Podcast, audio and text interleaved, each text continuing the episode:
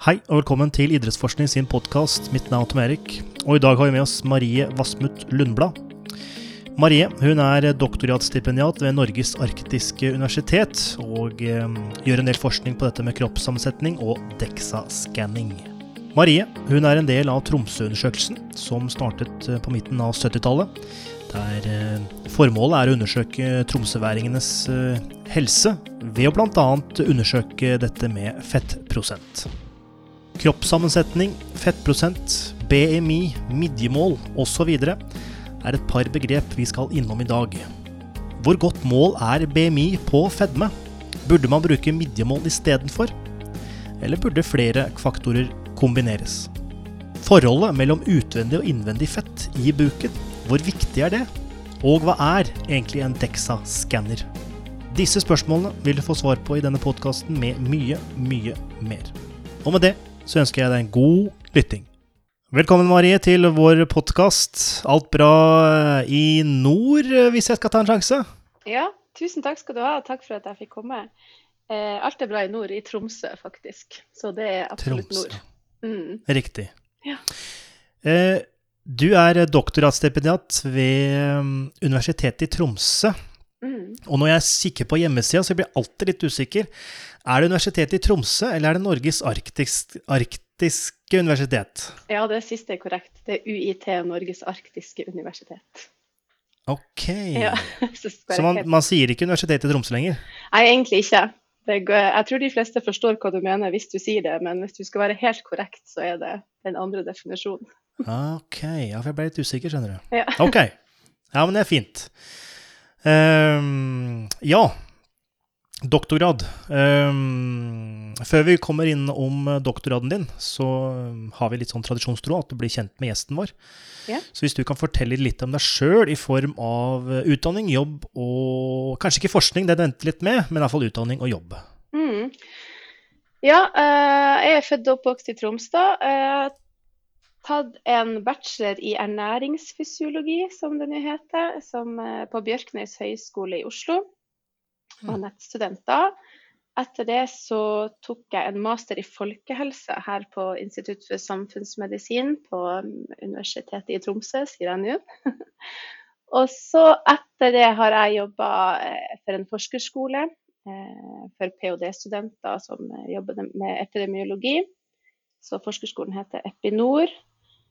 Um, og så har jeg jobba som vitenskapelig assistent i Tromsø-undersøkelsen en stund etter det, mens jeg eh, gikk litt og håpa på å få ta doktorgrad. Eh, og da jobba jeg med den eh, kostholdsdata fra den syvende Tromsø-undersøkelsen. Så Tromsø 7 så var i 2015 og 2016. Mm. Og da retta og skanna vi over 15 000 skjema. Så det var litt av en jobb. Oi. Mm. Så det var en stor jobb, men veldig veldig lærerikt å se hvordan data blir samla inn. da. Så det var spennende. Eh, ja, det er det jeg har gjort. Og så starta jeg på en ph.d. Ja. Mm. Ikke sant? Ja. Eh, Denne eh, kosthold, eh, innsamling av kosthold, var det kostholdsplaner du sa? Nei, det er eh, matfrekvensskjema. Altså det er 15 sider med kostholdsdata der deltakerne skulle rapportere hva gjennomsnittlig inntak eh, av ulike matvarer eh, i løpet av eh, Ja, det siste riktig. året. Mm. Ok, riktig, riktig. Ja, for det er det som kom ut i 2019, var det det? Energy Eh, Nutrition ja, Intakes Ja, det er en artikkel. ja. Det er en artikkel. Ja, det en Ja, riktig, skrev da. riktig. Mm. Jeg bare så det var utrolig langt eh, spørreskjema, det var 260 spørsmål nå. Det er et veldig stort spørreskjema. så Vi brukte en stund på Vi gikk jo gjennom hvert eneste spørsmål på hver eneste side og sjekka at ikke Ja, noen hadde kryssa for mange ganger og sånn. Så det var litt av en jobb. Men eh, eh, veldig spennende egentlig å se hvordan det fungerer. fordi at når man får dataen utlevert eh, fra sånne her store undersøkelser, så tenker man ikke på alltid på det store arbeidet som ligger bakom. Ikke sant. Man ser bare tallene og ikke all eh, plottinga og Ja, analysene. absolutt. Det er helt sant. Men um, Tromsø- Tromsø-undersøkelsen um, har jo pågått ganske mange år nå. Starta vel i 1976? Ja, eller 74. Ja, 70, Noe ja, sånt. noe sånt noe. noe sånt. Ja. Uh, er det det samme greiene som Hunt-undersøkelsen, altså Nord-Trøndelag eh, helseundersøkelsen? Ja, de er vel ganske like. Det er vel en eh, Det er vel Ja, altså de er, det er sammenlignbare undersøkelser, ja. Mm. Det er vel selvfølgelig en del ulike måter å måle ting på, og ulike utvalg og sånn, men ellers er de ganske like. Det er store populasjonsstudier, begge ja. to. Mm. Eh, før vi kommer til eh, dette Tromsø-undersøkelsen og doktorgraden din, så eh, både bachelor i ernæring og en slags folkehelse, ikke slags, eh, men folkehelse-mastergrad. Ja. Hva, har hva har vært din motivasjon for å ta grader i disse temaene? Altså hvorfor være interessert i dette? Ja, altså i ernæring, eh, da hadde jeg holdt på å trent en god del år og veldig mye styrketrening. Jeg har spilt fotball eh, store deler, altså ja, i hvert fall hele barndommen og opp i ungdomsårene. Og så når jeg slutta med det, så mm. begynte jeg med sånn egentlig ren styrketrening og vektløfting og sånn. Og da ble jeg veldig wow. opptatt av um, ernæring og kosthold. Um, så det var veien inn der. Jeg tenkte at det her har jeg lyst til å jobbe med. Tenkte at det kom til å bli et behov for det i framtida. Um, og så etter, uh, etter den bacheloren, da, så har jeg også jobba en del år på treningssenter. Uh, ganske mange år. Uh, og da kjente jeg at jeg hadde lyst til å løfte blikket litt. Um, og da ble det en master i folkehelse. Den er ganske forskningsretta, den masteren. Sånn at man får et helt annet blikk på det, syns jeg, enn en, ja, en et sånn klinisk retta ja. ja. Hvilket blikk hadde du, og i så fall hvordan ble det blikket endra med denne masteren? Ja, masteren gjorde jo at jeg fikk lyst til å ta en doktorgrad. da.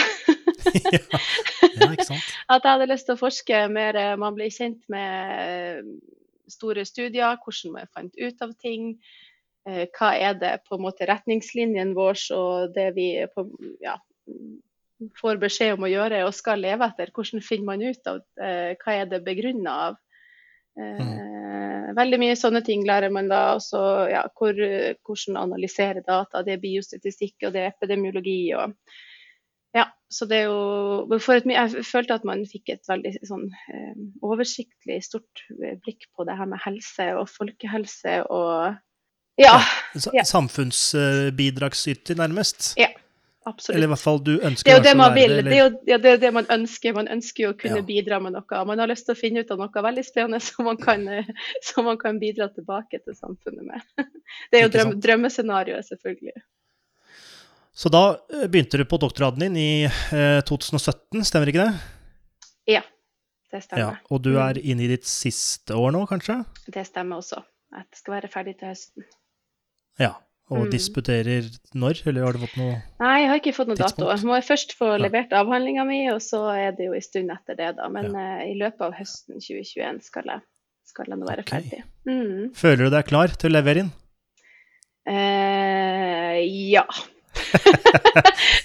så klart. Man skal aldri spørre om det, vet du.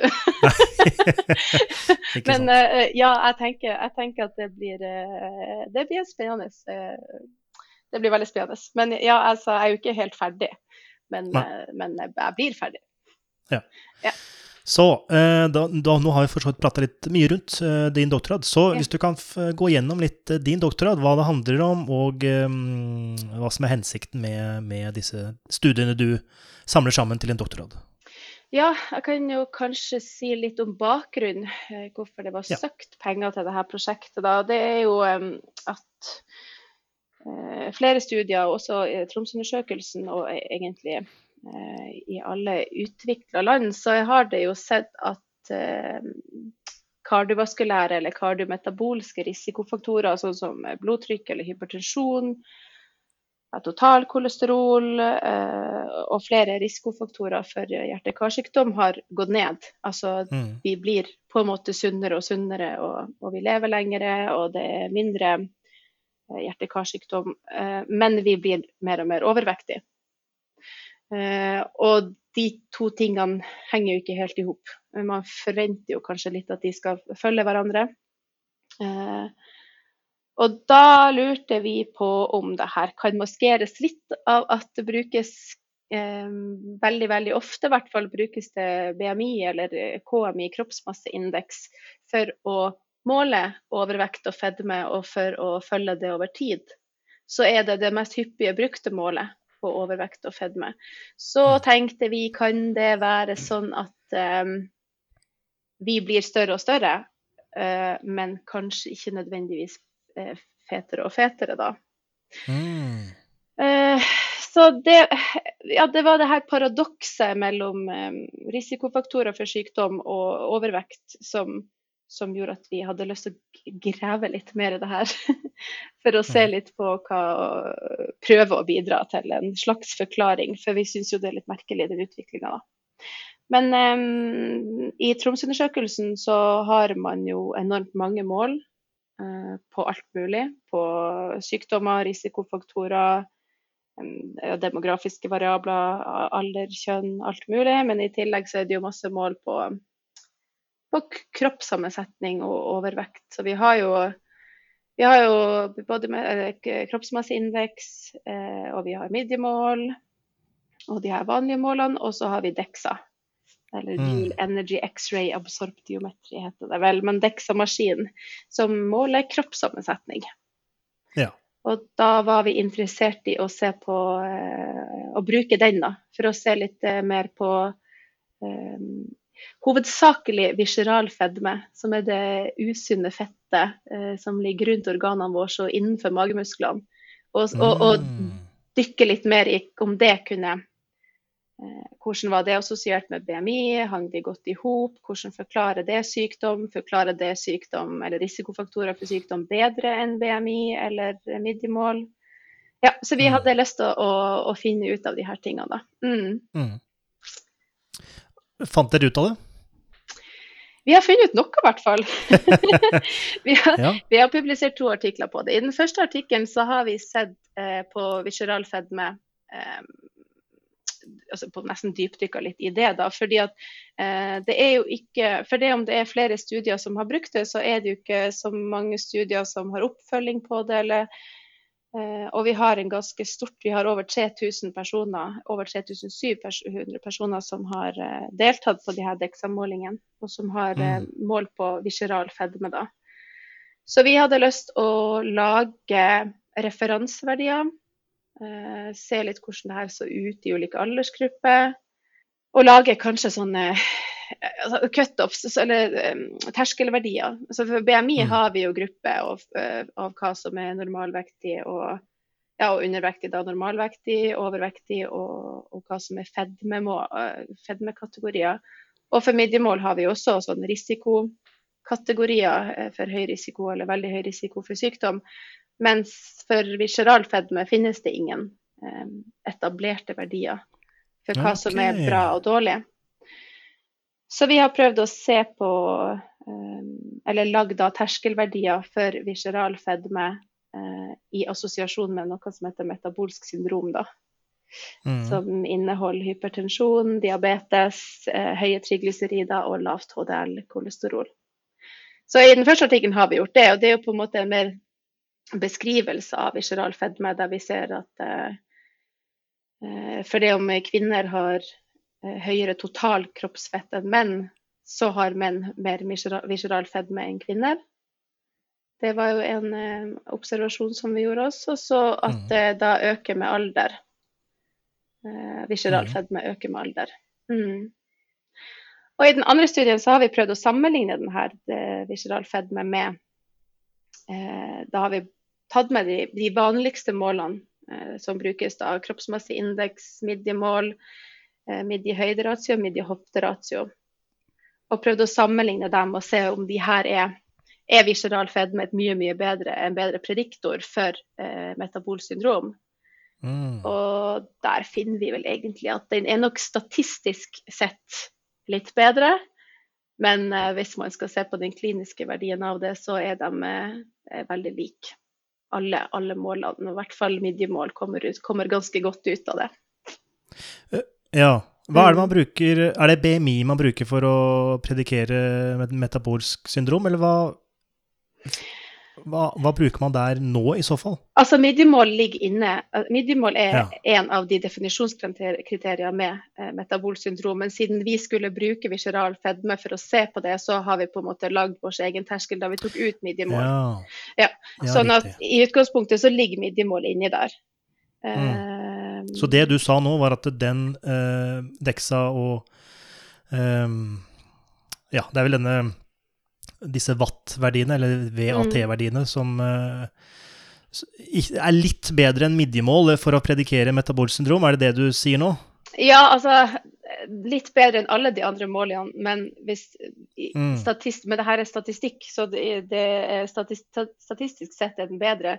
Men eh, vi har konkludert med at i sånne her store undersøkelser der vi har ganske mange mennesker med, eh, så er kanskje de andre eh, gode nok. Altså ja, sånn, ja. midjemål mm. og ja, egentlig alle som var inkludert, men midjemål er kanskje den som, vi, som, er, som er, var, viste seg å være best av de mm. antropometriske målene, da. Mm. mm. Mm. Så hvis man da har tilgang eh, til en DEXA-skanner, mm. så burde man kanskje prioritere det? Eller? Ja, altså det, er, det, kommer an på hva man ønsker å måle og hvordan man skal måle det. Vi har gjort tverrsnittundersøkelser i de her to eh, undersøkelsene som, eh, de her to artiklene som er skrevet og publisert. Eh, skal man følge opp eh, folk over tid, så kan det være annerledes. For vi endrer kroppssammensetning når vi blir eldre. Mm, mm. Eh, det har ikke jeg sett på, men det er det veldig mange andre studier som har gjort. Og eh, med økende alder så blir, får vi eh, litt mer fett og kanskje litt mindre muskelmasse. Og det maskeres ofte ved at de ut, utjevner hverandre. Så det ser jo kanskje ut som vi ikke endrer så mye over tid, men det vil en Dexa-maskin kunne vise. At ja, du går ned i muskelmasse, men du får mer fettmasse. Og spesielt visceralfedme øker eh, med økende mm. alder. Så Riktig. det kommer veldig an på hva man ønsker å måle, men det, hvis du skal eh, eh, si noe om en sånn gjennomsnitt og risiko, så tenker jeg jo at de antropometriske målene er gode nok i sånne store undersøkelser, men det kommer helt an på formålet, tenker jeg, med studien og ja, hvem inkluderes og hva ønsker man å gjøre. Hvis det også er en um, Hvis man skal gjøre på en måte også en intervensjonsstudie der du ønsker å se på effekten av trening uh, over tid, så vil det jo også være uh, et sånn forhold der du mest sannsynlig hvis, hvis, her, hvis, hvis treninga fungerer sånn som de ønsker, da, så vil det jo mest sannsynlig være sånn at fett reduseres mens muskelmassen øker. Og det vil du mm. heller jo ikke se over tid, hvis ikke du bruker en metode som kan skille på eh, ulike kroppsvev. Da. Så da tenker jeg jo at sånne målemetoder som DEXA er veldig, veldig viktige. Dere eh, nevnte kanskje, men dere så på, så det på sammenhengen mellom midjemål og eh, viseralt eller buk, eh, bukfett, og i så fall hvor høy var korrelasjonen der, eller brukte dere annen statistikk for å se på den sammenhengen? Nei, vi brukte Ja, vi har både brukt korrelasjoner og um, noe som heter ROC-analyse. Men uh, skal vi se, nå husker jo ikke jeg tallet helt, men det var høye korrelasjoner. Uh, okay, ja, men det var ja. det mellom alle målene, altså både BMI og midjehøyde. Mm. altså, alle var ganske høyt korrelert med watt, og det forventer man kanskje også. For man forventer jo at høyere, mer, mer fett og høyere vekt henger jo godt i hop med høyere watt. Uh, og sånn er det, men det finnes jo også overvektige som uh, kanskje ikke har høye wattverdier og, og, og, kanskje ikke har um, Det er det andre studier som har sett på, det har ikke jeg sett på. Men det finnes studier som viser at det finnes jo folk som er overvektige Eh, eller som har mye, mye, mye, overvekt, men som ikke har alle de her eh, vanlige eh, risikofaktorene for sykdom. Mm, mm. Som man kanskje forventer å se sammen med overvekt. Og da er det veldig mange studier som eh, foreslår at dette kan være pga. at de har mindre visceral fedme. Ikke sant. Mm. Ja. Så at uh, viktigheten av Eller viktigheten Det er veldig godt uh, vist at uh, visceralt fett er verre for oss enn en fett plassert på f.eks. hofte eller lår. Ja. ja altså kropps, kroppsfasong, rett og slett. Det her er ja. den eplepæredebatten. ja, ikke sant. Ja, det er et godt bilde. Absolutt godt bilde. Um, men um, var det du som gjorde Dexa-målingene, altså, eller var du med på den praktiske datainnsamlinga? Nei, det har jeg faktisk ikke vært, og det har jeg veldig lyst til å være. Uh, for okay. det, jeg har ikke vært med på selve målingen. De Nei. var gjort før jeg kom inn i bildet. Riktig. Men har du, mm. har du spurt eller hørt noe sånn at uh, det kommer inn en person som uh, visuelt er slank, men som viser seg å ha veldig høyt viseralt uh, fett. Altså, kan man bli lurt av det ytre for ja. å bedømme det indre? Jeg har ikke hørt om spesifikke eksempler på det, men det er jo det Jeg vet ikke om du har hørt om konseptet metabolic healthy obesity. Eller altså Det finnes mennesker som er, har både overvekt, men er metabolsk mm. sunn Eh, men ja, det finnes også normalvektige som er metabolsk usunn. Ja, ja, riktig. Og mm. de har eh, andre studier eh, ja, Hypotesen er da, eller de har eh, funnet ut at da er det fordi at de kan ha høyere, høyere mer visceral fedme enn sine normalvektige eh, holdt på å si, medborgere. ja, absolutt. Ja. Uh, In English, you um, call it uh, toffee. Thin on the outside, fat on the inside. Okay, yeah. wow. Okay. um, it's a term. It's a term they use, but I came across it first time with one of these. I think Tom Eric's familiar with. You know this Dr. Michael Mosley. Yeah. The BBC guy, one of these health things. P- pinlig sykdommer. No, sorry, not pinlig sykdommer. Um, Han som uh, var veldig kjent for Eller var på Skavlan om 2-5-dietten, tror jeg det var.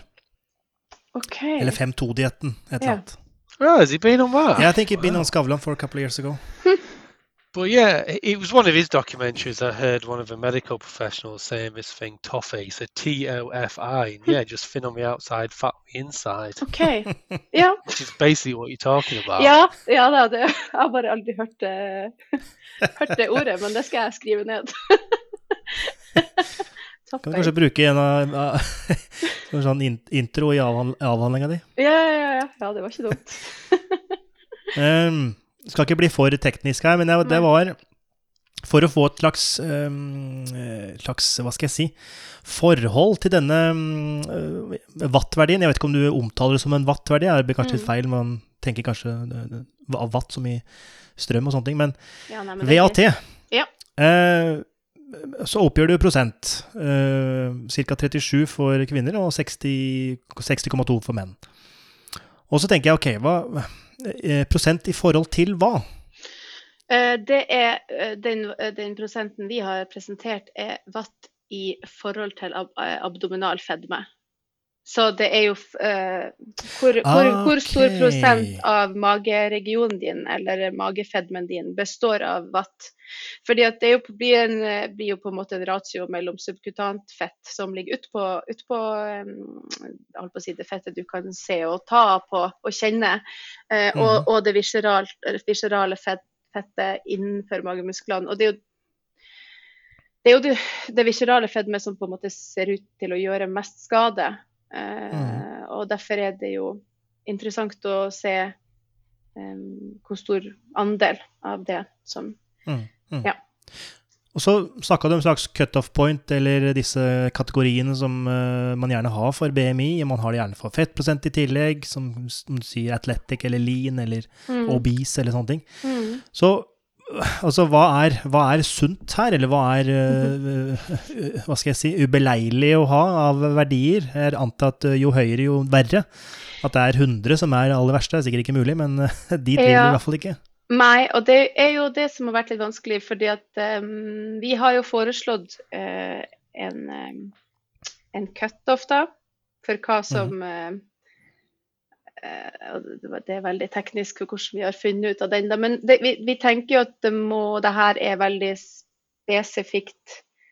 Eh, det er spesifikt for vår populasjon. Og det er selvfølgelig påvirka av de deltakerne vi har med.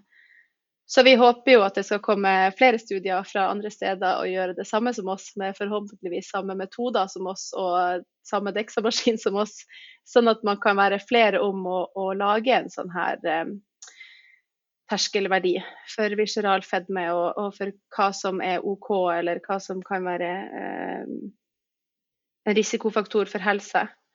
Men per nå så er det jo eh, litt lite å bare bruke vårs for å si noe om det. Men det er klart det er sånn som du sier, at eh, det jo høyere, jo verre, holdt jeg på å si. Men det mm. skal godt gjøres å ha null, det går jo ikke an. ja, ikke så, så eh, alle, alle, har litt, og det er helt greit. Men eh, ja. Så, men er det, er det, hvis man skal på en måte grovt dele inn, er det eh, Man burde ha en prosentvis mer fett på utsiden enn innsiden, hvis man skal dra de grove linjene her? Ja, det er jo det. Ja. Men det er jo også Ja, det, det er jo sånn det er, men de henger jo også i hop så mer overvekt jo, betyr jo også mer ja. visceral fedme. Og det er jo mm. en, mange ting som påvirker det her, men mange ting også, det er jo flere ting eh, som påvirker det som man også heller ikke kan gjøre noe med. Som, eh, som alder eller eh, kjønn eller Ja, det er en del faktorer også som man eh, på en måte ikke kan påvirke. Eh, ja. Men det er jo Altså man, man, eh, kan ha som mål å, å være så normalvektig som, eh, som, mulig. Og så tenker jeg at det ofte er godt nok. mm, mm.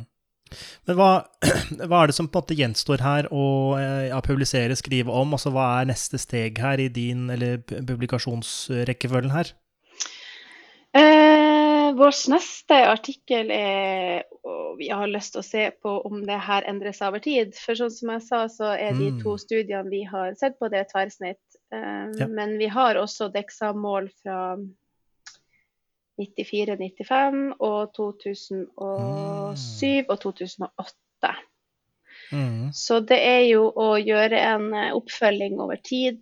Eh, kanskje se på, eller vi skal se på både visceral, eh, visceralt fett, eh, fettprosent og ja, lean mass, eller eh, fettfri masse.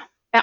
ja. Så å se på om det endrer seg over tid, eh, det tenker jeg er spennende å se på for å se eh, Legger vi på oss mer vatt med mm. årene? Blir vi større? Blir vi større i, i, det området også, eller Ja. Så det er neste på mm. lista. Har du noen foreløpige tanker, hypoteser om akkurat uh, den problemstillinga? Ja, altså, jeg har gjort den studien, og den er sendt inn, så det er unpublished results. ah, okay, ok. det er vanskelig å synse noe når jeg vet hva svarene er. men, riktig. riktig. men eh, ja, det blir jo få publisert det, så får man snakke litt mer om om det. Men ja, det, det var jo litt av det Det tenker jeg jo kanskje den som henger aller best i hop med eh, på en måte det vi ønsker å se på utgangspunktet, med det her at vi øker i vekt. Men hvis vi nå hadde sett at vi eh, ikke øker i fett, eller visceral fedme, så kunne man jo mm. på en måte vært og, og kanskje det kasta det litt inn i, i debatten om eh, om uh, sunne, sunnere befolkning, men mer overvekt. Ja. Men uh, vi får se. Mm. Mm. Ja, vi får se. Det blir veldig spennende. Ja. Absolutt. Eh, hvis man skal tenke litt sånn overordna, enda mer overordna enn en, en din, din, doktorgrad og Vi har kanskje vært litt inne på det. Eh, men du ønsker jo å påvirke samfunnet. Eh, det starta vi jo litt eh, inn på, det var i hvert fall et ønske. Eh, hvordan er det denne doktorgraden kan påvirke samfunnet, og hva er det bare en slags bevisstgjøring om, en, om at viseralt fett er usunt? Eller det vet vi allerede, men mm. også hvor mye, sånn relativt messig, i forhold til det utvendige fettet? en bevisstgjøring der, eller er det mer du ønsker å få til sånn utad til folk eller samfunnet eller helsemyndighetene, eller hvem, hvem ja, det være? det er store spørsmål. um, Nei, det er det vi driver med her. Ja, det er jo, det er jo bra, det. Jeg tenker jo at uh, Altså, jeg tenker at man må fortsette å fokusere på å um, prøve å få til endringer uh, i å Om man ikke klarer å redusere Eh, økninger i overvekt, så enten få det, gjøre alt man kan for å flate ut den utviklinga, eller Jeg tror bare at det må veldig, veldig store strukturelle endringer til. Um, mm. og det er jo på en måte litt Jeg har litt av det med i min avhandling der jeg prøver å Jeg har jo også ernæring eh, som jeg er veldig opptatt av, som vi ikke har snakka noe om, eh, som ikke jeg egentlig har med i, i avhandlinga mi. Men jeg, jeg, tror det må veldig store endringer til for å snu det her, snu den utviklinga, eller eh, redusere det. Jeg tror det må veldig store, store jeg tror det må bestemmes. Jeg tror ikke man kan gå ut og si at du og du og du uh, må gjøre noe med det her. Jeg tror man må gjøre en mye større strukturell endring der uh, sunn mat må bli billigere, usunn mat må ja. bli dyrere. Kanskje man kan holde på å si, støtte de som ikke har råd til det, til å være med for fysisk aktivitet eller treninger fra barndommen av. Ja, gi folkeelsykler, jeg vet ikke. Nei, jeg vet ikke. Jeg tror, være, jeg, jeg, jeg tror, at jeg har veldig lyst at man skal um, få til en endring som alle kan være med på, og som alle kan få til. Og spesielt uh, grupper som kanskje er i større risiko for å, uh, for å um, få overvekt, eller for å få problemer relatert, helserelaterte problemer. Ja, men, men, det er vanskelig å si akkurat med det her viserale fedme, fordi at det, den er jo veldig vanskelig å, måle hjemme. Uh, og det fikk jeg et spørsmål om en, uh, ja. og vi var på noe som heter på en, ja, på en online konferanse da, der noen sa sånn Ja, men hvordan kan vi måle det her hjemme? Og det kan du jo egentlig ikke. Du, det er jo veldig vanskelig mm. å formidle til noen at uh, du må passe på det viscerale fettet ditt. At ikke det blir for mye av. Så akkurat det tenker jeg at det må vi Formidlinga eller det vi Da blir det jo å si at vi har funnet at de midjemål, eller de målene som er hyppig brukt, er gode mål. Eh, både BMI og midjemål kombinert. Og hvis du da hiver på en dash skjønn oppå der også, så tenker jeg at det faktisk er gode mål for å eh, vurdere eh, på individuell basis, da. Ja. En, do, forresten en god dash skjønn på individuell basis, tenker jeg er viktig. ja, absolutt. Ja. Det, altså. ja. Eh, eh, Dexa eh, er jo en måte å måle kroppssammensetning på der man i hvert fall slik jeg, jeg har aldri utført det sjøl, men jeg har sett kun bilder og videoer. Mm. Uh, der man ligger, og så blir man skanna uh, ja, røntgenmessig. Er det ikke det røntgenstråler? Er det ikke det som sendes igjennom? Ja. ja. Det er riktig. Med, med lite stråling. Ja. ja. Uh, det regnes jo, i hvert fall på folkemunne, for du, du får svare sjøl, men det regnes som på en måte gullstandarden innenfor kroppssammensetning, og blir ofte referert til, i hvert fall i muskelmassesammenheng. Mm. Um, så er det, er det, det for viseralt fett også, eller er det den beste metoden for å måle viseralt fett, eller uh, finnes det andre ting der ute som er like bra, eller uh, Ja, du, ja.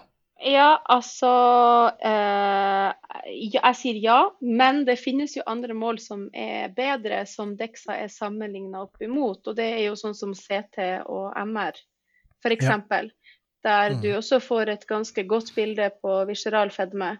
Eh, men de er jo mer brukt som referanse Altså, ingen av de egner seg på store undersøkelser eller eh, Ja, de skal jo ja, brukes mer i kliniske settinger. Da. Men, ja. eh, men, eh, det er jo gjort mål på, med CT og MR og, og, på DEXA, og der resultatene viser Det er heller ikke vi som har gjort det her, da, men eh, det er gjort um, I 2012 tror jeg det var publisert en artikkel som viser at de, er, de samsvarer veldig godt. Og da sånn sett er DEXA akseptert som et uh, veldig godt mål på uh, visceral fett. Mm. Ja. Det har jeg også uh, lest, for så vidt. Altså, ja. Det er ganske god korrelasjon mellom Dexa og uh, for så vidt MR, og for så vidt også, tror jeg, bioelektrisk impedansevekt, som f.eks. Inbody eller mm. Tanita. Mm. Eh, Tanitaen er jo veldig i har jeg fått inntrykk av veldig populær i treningssentersammenheng. Mm. Um, kan den si noe om viseralt fett? Så du får en slags Jeg husker ikke en verdi de utgir, men de får en slags um, uh, Hva heter det? Uh, bukehelse, eller et eller annet sånt. En rar verdi som du får. Okay. Ja, nei, vet du hva, jeg er ikke så kjent med akkurat det. Jeg vet at det brukes jo hyppig på treningssenter, eh, sånn som jeg har Mhm. forstått. Og eh, jeg, tidligere var jo ikke de bioimpedansmålingene eh, veldig gode på å si noe om visceral fedme, men jeg vet ingenting om de nyere eh, modellene, så det kan godt hende. Eh, man skulle jo Mm. tro at eh, når tiden gikk, som, eh, så blir alle metoder, metoder bedre. Så det kan godt hende at de er gode mål Mm. også. Men eh, jeg har faktisk ikke sett så mye på eh, sammenligning mellom eh, bioimpedans og DEXA. Nei, nei, nei. Altså, overall, også for å eh, kartlegge fettprosent, så er de ganske gode. Men visceralt fett, det vet jeg heller ingenting om, om de er eh, Ja, om det finnes noen studie der. Nei. Men eh, mm. Um, det vi kan gjøre, er å ta et spørsmål fra en bruker. Og det har du for så vidt for så vidt svart på, men det kan hende du kan tilføye litt mer til svaret. Uh, jeg er usikker på hvem vi har fått det fra, for jeg har fått det på e-post. og det er Matthew Mhm. som vet, Men om vi kan spørre deg om alternative metoder til BMI, eh, BMI-måling til bruk i forskningssammenheng. Eh, jeg forstår at dette spørsmålet er som, avhengig av kontekst. Mm. Hvis, er, eh, hvis man tenker seg metode for å måle kroppssammensetning på en enkel måte i større grupper, og da har vi for så vidt vært inne på dette med midjemål og Mm. den slags, men hvis man skal tenke mer kroppssammensetning, og da kanskje ta med fettfri masse, da, som du nevnte litt av, Mm. og kanskje ikke bruke BMI, hva, hva er det man kan bruke da? Nei, da er det jo eh, Det er jo enormt mange Det er jo veldig mange metoder for å måle kroppssammensetning. Men hvis man skal ha litt Jeg gjetter jo at man kanskje er ute etter litt enklere metoder da enn f.eks. DEXA. Fordi at vi har jo brukt Mm. DEXA, og det er jo en stor populasjon som er invitert til Tromsøundersøkelsen. Eh, Men det krever jo selvfølgelig eh, perso, altså personell til å drive denne maskinen. Det skal være plass til å ha den oppbevart, og det krever jo en del ressurser. Så da vil jeg jo, hvis det, vi skal eh, utover midjemål og BMI og eh, de her vanlige målene, så vil jeg jo da tenke at bioimpedans er eh, et eh, godt verktøy for å Mhm. måle. Altså, jeg vil jo tro at, eh, eller jeg vil jo tenke at bioimpedans er en plass mellom, mellom BMI og DEXA. Eh, på, Ja. eh, på eh, ja, hvor, god, hvor nøyaktige målene er, da.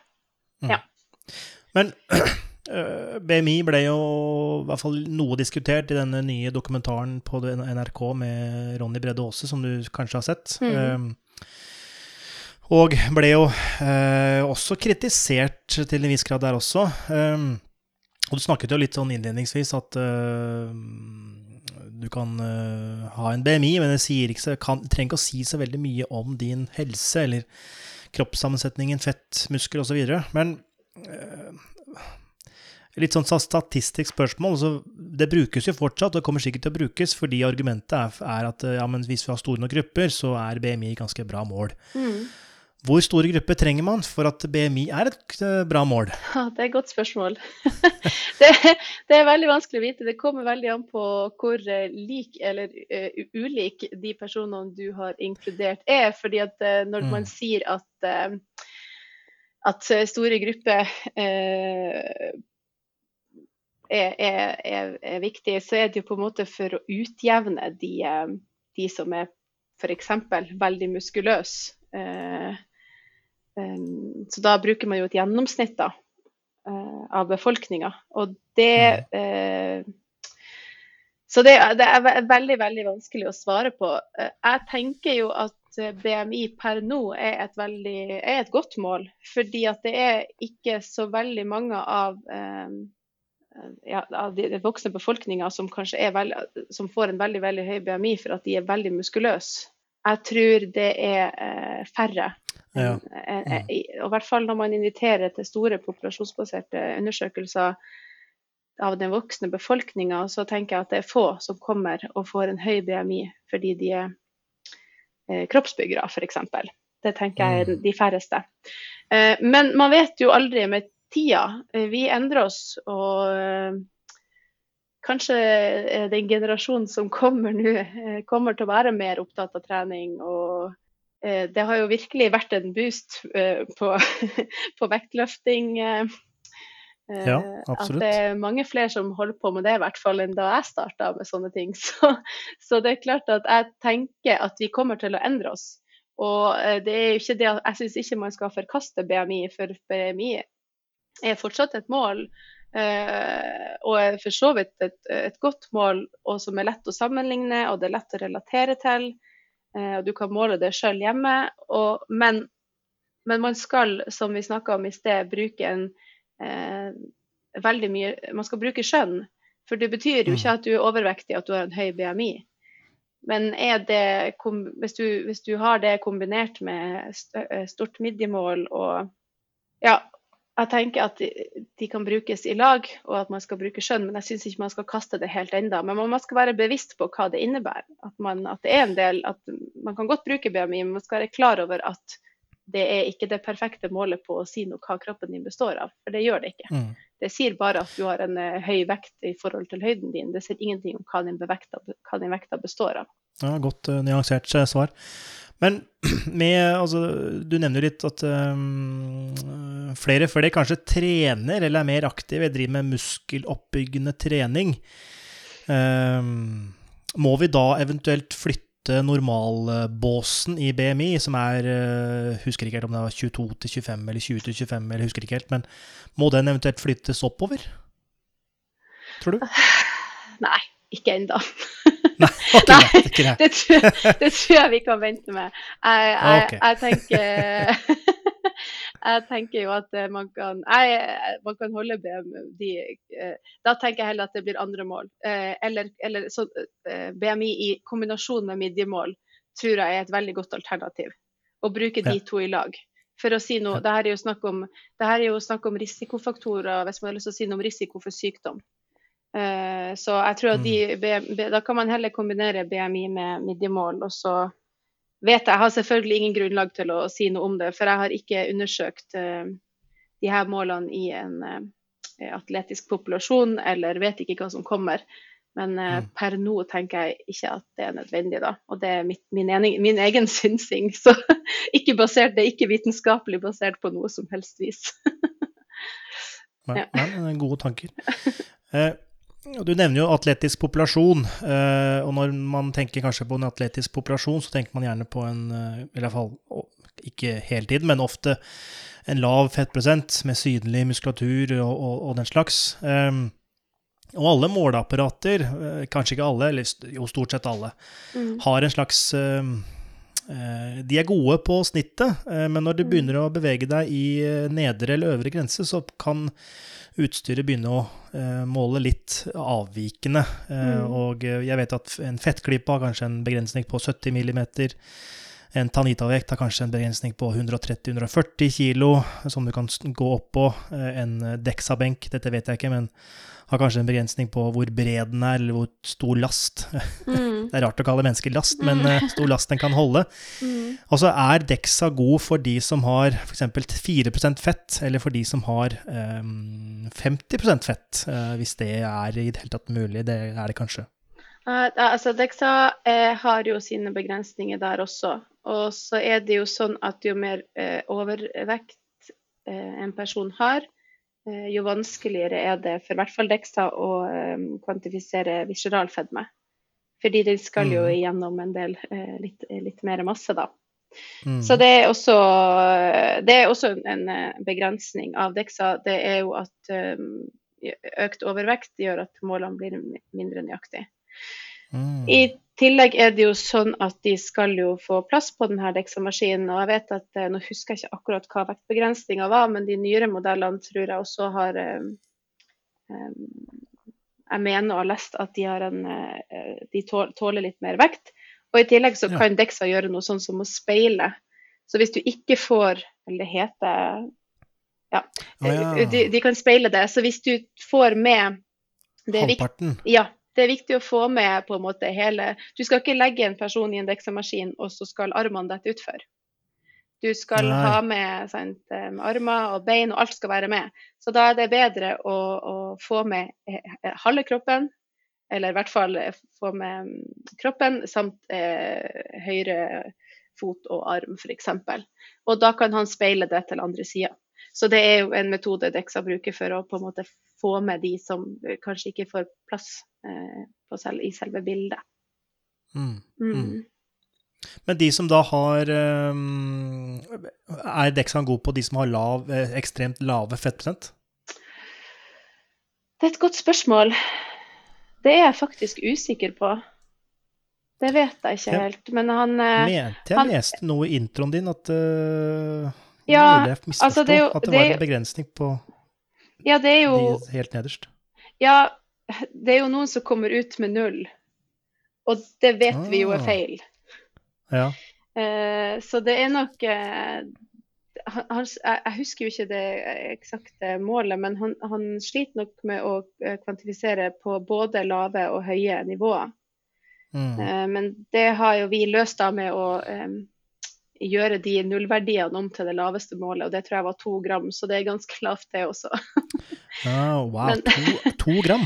Ja, det stemmer. Altså, ja, det er nok også en, en begrensning av maskinen at det er det laveste han har klart å måle, da. Men eh, ja, om det er Ja, riktig men, men, det, men to gram er valid, på en måte? Så det er reelt? Nei, det, altså, det, vet jeg, det vet jeg ikke. Men jeg, jeg vil, okay. vil tro at det sånn som vi sier, at det er en, eh, en begrensning i maskinen sin evne til å måle både veldig lave og veldig høye verdier, sånn som det med alle andre, Mm. andre, andre maskiner.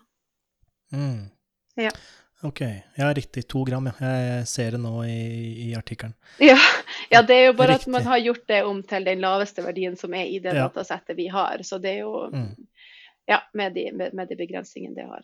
Men det var jo en liten andel av, av eh, populasjonen vi hadde med. Mm. Så dette blir eh, også litt sånn spekulativt, selvfølgelig, men eh, vil du da mm, kanskje spekulere i at eh, viseralt fett, eller disse eh, cap-offen du kommer med, eller eh, sånn cirka i hvert fall, eh, og, og disse kategori, kategoriene som for så vidt ikke har eh, gått innpå eller kategorisert, men altså, det er jo en slags eh, fordeling her mellom innvendig og, utvendig fett. Um, vil disse kategoriene, eller disse um, åh, Er det de terskelverdiene?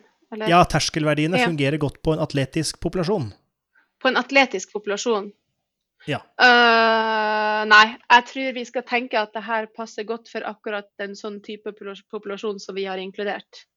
Og Det er det jeg kanskje mener med at vi trenger mer forskning for å si at det her er ikke noe, Mm. vi kommer ikke til å ta de her resultatene og gå ut og si at de her, pass på at du holder deg innenfor de her terskelverdiene på watt. Fordi Mm. at det er én studie, og det er avhengig av den populasjonen vi har eh, med. Eh, Det er også avhengig av eh, den maskinen vi har brukt. Det Mm. er mange ting som skal tas hensyn til her. Sånn at for å lage terskelverdier på en eh, atletisk populasjon, så må du inkludere en atletisk populasjon. Ja. det, det tenker jeg er ja. Absolutt. Det er helt, helt enig. Ja. Um, og og et eh, absolutt godt svar. Så det er jo en eh, en, eh, hva skal jeg si, eh, en problemstilling som forskere der ute burde kanskje ta litt eh, tak i, for de Ja. som har en eh, Dexa-skanner eh, liggende. ja, ja, ja. Stående på bakrommet. Ja, ikke sant? Ja. Uh, ja, vi har nå uh, for så vidt planlagt og har kanskje kjøpt en Dexa-skanner hos oss, så kanskje Ja. vi, uh, vi er aktuelle til og med. Ja, ja, ja. Um, Spennende. Men eh, jeg håper å si, alle Dexa-skannere er vel ikke like? Altså, du sa eh, i stad at eh, om Dexa-skanneren er god nok, altså, eller du sa noen lignende. Nei, altså det som Det er jo forskjellige typer, og så er det jo forskjellige modeller, men det er vel eh, eh, ja, to eh, eh, eh, Hva heter det? Produsenter som, eh, som er mest kjent å lage, for å lage Dexa. Så det er jo eh, GE Healthcare og så eh, Hologic, tror jeg de heter. Eh, Mm. Og så det vi har brukt, er noe som heter Lunar Prodigy. Um, Men det er kommet en nyere versjon av Dexa etter den, som skal være bedre, eh, eller mer nøyaktig. Men det, eh, men ny, det er også sånn software, det er oppdaterte softwares og, og em, sånn som skal gjøre de her eldre maskinene bedre, eller i hvert fall kanskje sammenlignbar med iDexa. Eh, men de er ikke like eh, ikke like gode på å um, Det her er snakk om piksler og hvordan, hvordan Ja. hvor, ja.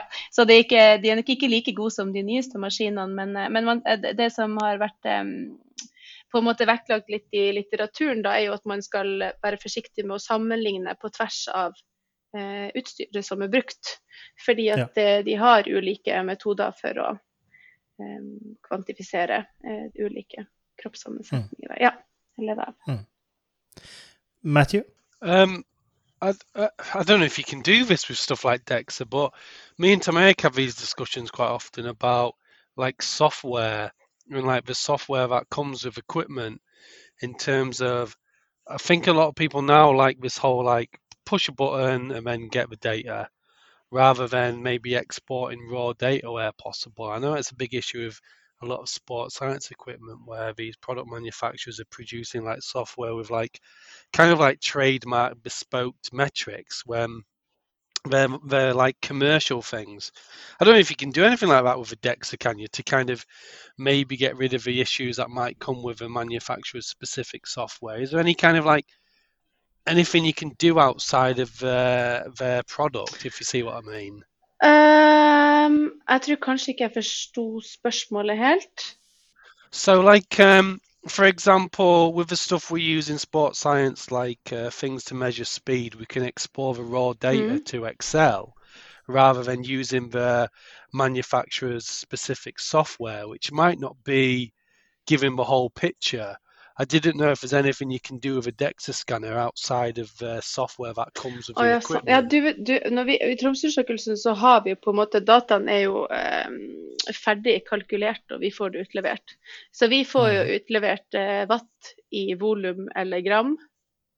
Mm. Altså visceral fedme i volum eller gram, og så får vi fettprosent og total fettmengde og eh, Ja, vi har mange variabler vi kan velge mellom, men de er allerede eh, henta ut av på en måte Av softwaren, ja.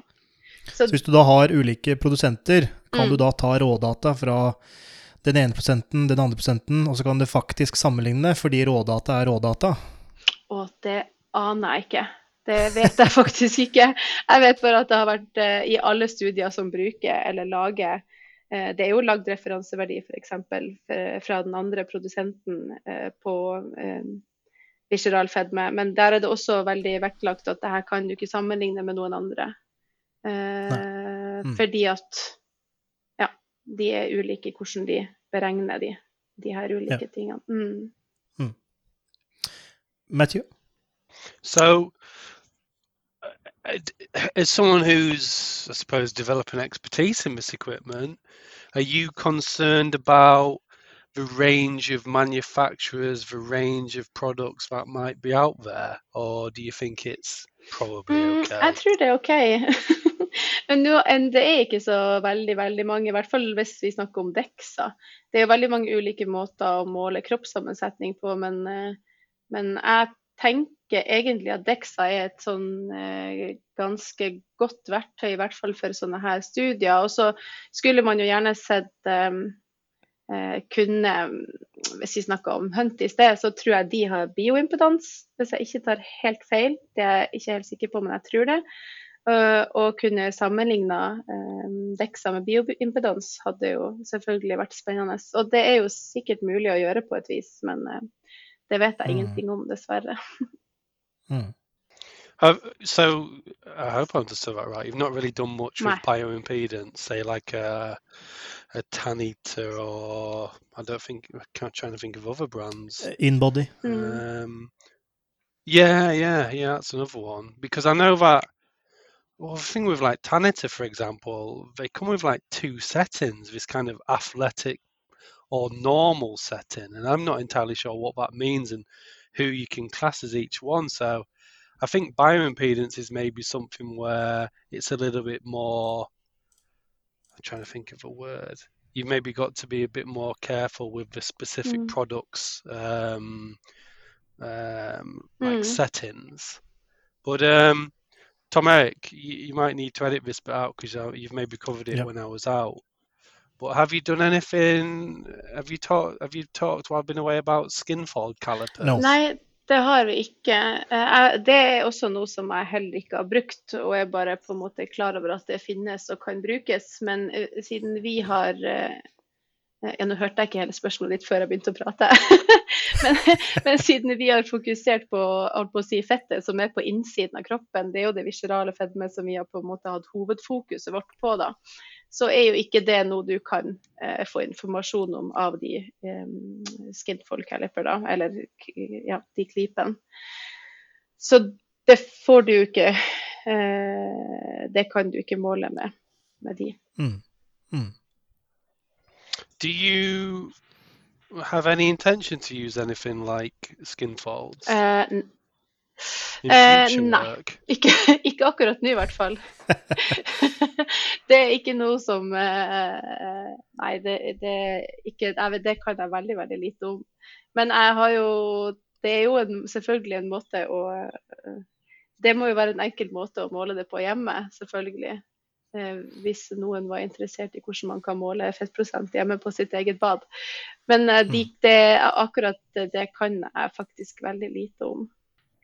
Yeah, it's interesting. I think that's a really interesting thing you said there about you could use it at home, and I'm maybe thinking about, say, for example, coaches and personal trainers who might Mm. be listening.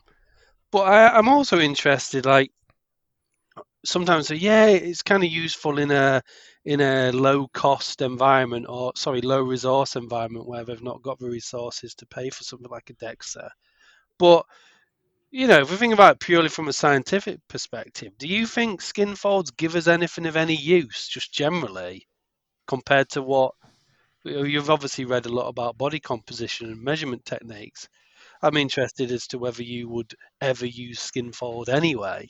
Nei, altså, jeg tror at, at Jeg vet at sk- hvis man bruker en sånn rangering av hvor nøyaktig metoder er, så er skinfolds på samme eh, nøyaktighet. Det er lista som eh, bioimpedans og altså eh, måling av Hva heter det? I midjemål og andre områder på kroppen man kan måle med målebånd. Og da tror jeg nok at jeg heller ville brukt det. Um, uten, Mm. at det uten at jeg vet det nå, men jeg tenker jo at um, midjemål må vel være et bedre mål. Igjen, det her er min synsing. Midjemål i kombinasjon med BMI tenker jeg er et bedre mål på eh, helse enn en eh, skinfolds. Men det er min egen synsing, men det er litt basert på det her med at eh, man vet jo at visceral fedme er et problem, og at det kan, hvis man kan eh, tenke seg at det er en av mengden visceralt fett, en av driverne bak ikke driverne da, men en av risikofaktorene bak sykdom, så får du virkelig ingen informasjon om det ved å bruke skinfolds. da. Uh, It's interesting uh, what you just said there because my, uh, when I was a sports science student, I was interested in something like skin fold and saying, yeah, you should do that as a personal trainer. But it's then I kind of learned as I entered the real world of work that if you think about, say, you're a personal trainer and you've got an, a client who's coming to you to lose weight, what do you really achieve with something like a skin fold measure? One, it's pretty uncomfortable and kind of invasive and kind of like intimate in some way. And two, like the client probably knows they're overweight. Mm, All yeah. you're doing is just telling them in a different way. It's like, cool, mm. you're telling me I'm fat. I know that. That's why I'm here. Can we just like get on with the exercise? Ja, jeg, And then, kind of second to that is the way it's communicated. I've got a really funny story about a guy I used to work with who was once a personal trainer, and he was working with a client and said, "Oh yeah, you've lost like an average of five. You reduced an average of five millimeters on you, on each skin fold." And this client was like, five mil," and he's like thinking, "That's quite a big difference." And this woman, the client, was like, "Get me a ruler," and he's like, "Okay." He brought a ruler back and she was like, I've been paying you like three times a week and I've been grafting. I've been working really, sorry, too much English. I've been working really hard for five mil. Are you kidding me? and I think, I think at the time it was like a kind of 20 to 30% reduction, which is massive in those terms. mm, Mm. But if you communicate it kind of poorly or you just use a wrong unit of measurement, I can see how it doesn't make a difference to some people. And I've kind of learned that a lot more, kind of moving away from a, the science and more to the real world Mm. to some extent. Ja, jeg, ja, jeg jeg er he- er helt enig. Og så syns jeg også at det er eh, Hvor mye får du Hvis man skal tenke på overvekt, så er vi jo veldig opptatt av overvekt fordi det er et problem for helsa vår.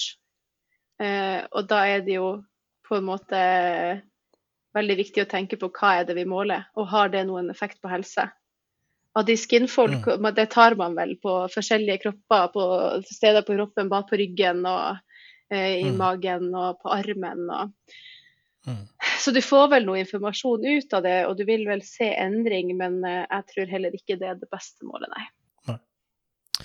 I- forhold til dette med in invasive, um, prøver å komme på norske ord her. Uh, Ja, intimitetssonebrytning, eller uh, ja. mm. ja det var det var bra. sikkert- ja. Folk skjønner sikkert hva jeg mener. Uh, dette med deksa, altså, må du ligge i undertøyet der, eller kan du ha på deg bukse og T-skjorte, eller hva, hva Ja. Ja, jeg tror jeg mener retningslinjer er løse, løse, ledige klær, ja Ja. riktig. og ingen stål. Er, stål i, i, ja. Litt mindre mm, invasive, eller eh, Ja, jeg skal ikke prøve meg Mm. på norske ord igjen, men eh, en, en, en klype. Ja, ja, absolutt. Så skal Mm. man jo bruke selvfølgelig eh, Man skal jo møte dem som kommer inn, eh, sånn som man ville blitt møtt sjøl. Så jeg tenker at det må man gjøre uansett hvilke undersøkelser som skal gjøres. Ja. Ja. Absolutt. Absolutt. Hvis vi ehm, ser et sånt overordna blikk på dette med å måle fettprosent, eller måle fett da, i en kropp, som du har gjort eh, eller sett på mye av Eh, og hvis man ser i de ulike sektorene, enten det er eh, hos doktor, legen din eller på treningssenteret, hva er det hva er på en måte do's and don'ts? Altså, du, hvilke utfordringer har vi med måling av fettmasse per i dag? Altså, eller går det veldig fint stort sett alle steder i landet eller uh, verden, for så vidt, hvis du har noe perspektiv på det? Eller ja, hvilke utfordringer er det som eksisterer, hvis, hvis det er noen? Uh, I forhold til Du får stoppe meg hvis jeg misforsto hva du spurte om. Men jeg tenker jo at um, det er veldig mange ulike måter å måle på, og det er jo fordeler og bakdeler med det. Um, Mm. det vil jo være fordelen med å ha like måter å måle på hvis alle hadde brukt Dexa f.eks. Så er det jo veldig Mm. lett å sammenligne eh, hvordan man ligger an. Um, og Mm. det er vel derfor BMI har vært veldig mye brukt, annet. Bortsett fra at det er enkelt å forstå og lett å måle, så er det jo Mm. lett å sammenligne. Og det er jo veldig fint. Um, og så er det vel Jeg tror jo det er på en måte hovedsakelig fortsatt BMI eh, som brukes på legesenter eh, og, og andre steder. Eh, hvis ikke jeg tar helt feil, da. Det er jeg ikke sikker på. Men det kan jo hende at um, folk vegrer seg for å komme, da, hvis vi tenker på treningssenter. Hvis man skal tenke i befolkningsperspektiv, så kan det jo hende at eh, de som eh, kanskje har litt ekstra eh, og, trenger, og kanskje trenger å være på treningssenter eller å bare være i fysisk aktivitet, uansett om det er treningssenter eller ute eller hverdagsaktivitet eller hva som helst, at de er kanskje de som er eh, minst interessert i å komme og måle det. Det er jo en mulighet, da, hvis vi snakker om, om eh, ja, i hvert fall treningssenter og sånn. Nå er det jo Man vet jo at de som møter i store studier, ofte kan være enn de som eh, ikke møter. Mm. Eh, Datt du litt ut uh, oh, ja. med mikrofonen din? Det var, eh, det var et eller annet med de som møter på treningssenter, er Nei, det, det jeg sa, at jeg er litt usikker på uh, de som møter på treningssenter. Jeg kan bare tenke meg at de, uh, det ofte er sånn at de som har behov at det, det er kanskje ikke de som ofte er mest overvektige eller som har størst utfordringer, som faktisk kommer på treningssenter mm, mm, eh, og ønsker å måle det, da. Men eh, altså, det, det jeg sa, var at det er eh, også forskjeller på Det er jo mange studier som viser at det er en del forskjeller på de som møter i populasjonsstudier også. eh, Mm. mm, og, blant de, og de som ikke møter.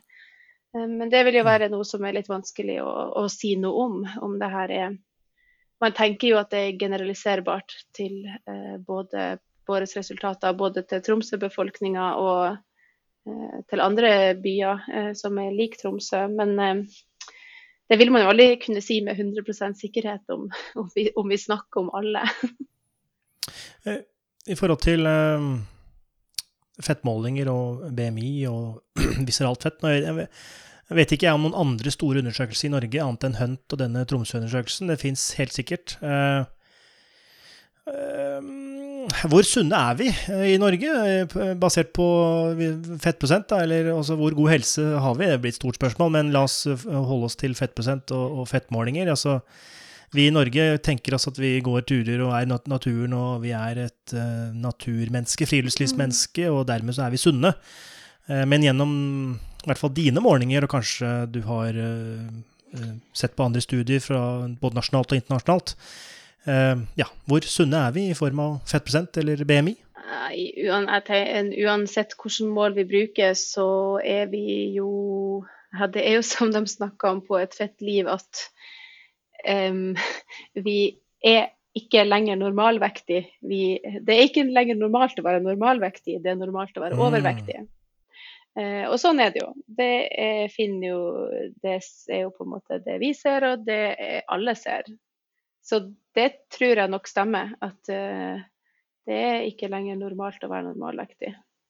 Og det er jo derfor jeg tenker at jeg med det her store bildet om hva som bør gjøres, så mm. eh, er det behov for eh, tiltak. Eh, store, store, store, endringer som, som, hjelper alle til å gjøre en endring eh, fra tidlig alder. For eh, det, jeg tror det er et veldig komplekst bilde mellom fysisk aktivitet og kosthold. Ja. ja. Absolutt. Det kom jo i hvert fall forholdsvis godt fram i denne dokumentaren som nevner, fett, et, et, et, fett liv. Mm. Ja. ja. Bra. Eh, jeg føler vi har eh, dekt mye, og jeg kjenner i løpet av praten med deg, så har jeg blitt enda mer nysgjerrig på denne siste studien og endringsresultatene, så den gleder jeg meg til. Ja, føler du selv at du har fått sagt det du skulle si i dag, Marie? ja, jeg tror det.